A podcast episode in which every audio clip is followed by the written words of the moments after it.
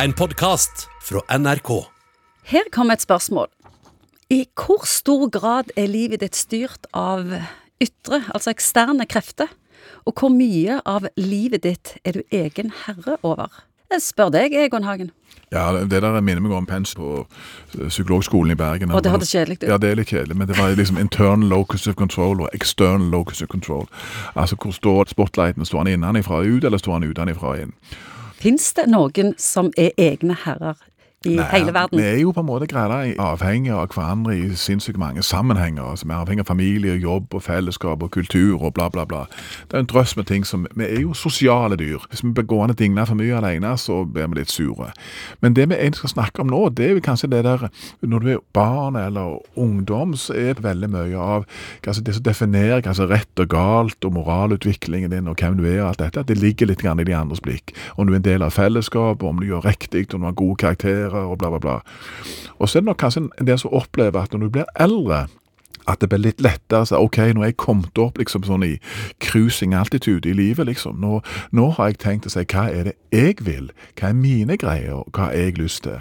Og, og det tror jeg nok mange kjenner på nå, at de har god helse, de har god økonomi. Nå snakker vi litt sånn rosenrødt, jeg er klar over det, men mange har faktisk det. God helse, god økonomi og, og sunne livsstilsvalg.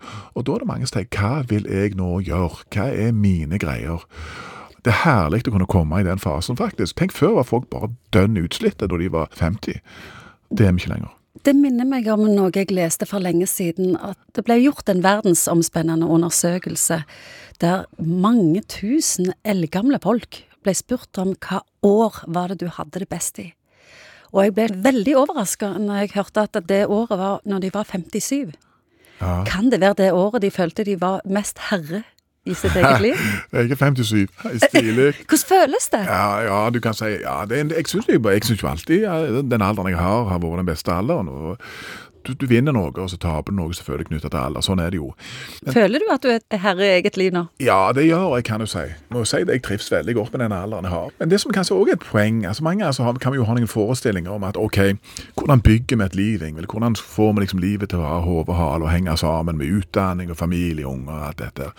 Og så kan man noen ganger, når vi ser litt livet ovenifra, så kan man tenke at OK, dette har du hatt en plan med. Ja, det kan det for så vidt være. At det har vært et element av kontroll i det, hvis jeg ser tilbake.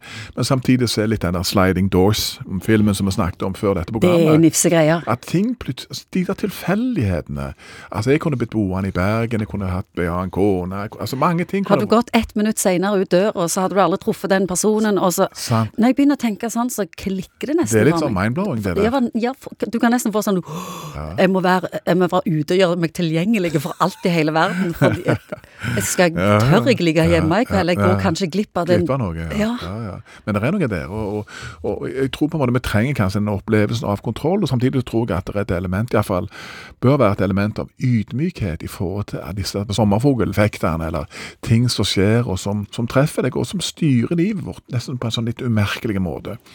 Og til, og til mange der ute så vil jeg jo si at eh, hvis jeg skal se tilbake igjen på mitt eget liv, så vil jo si at mange av de tingene som har vært litt kjipe, som har smakt litt av tran liksom, og eddik egentlig, har vært noen av de tingene som kanskje har vært viktig faktisk i å føre meg litt framover, fremover der som jeg nå er.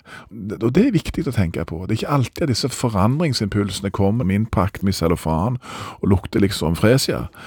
Det kan smake helt andre ting, men allikevel være fordømt viktige faktisk å få det føre oss videre. Du har hørt en podkast fra NRK. Hør flere podkaster og din NRK-kanal i appen NRK Radio.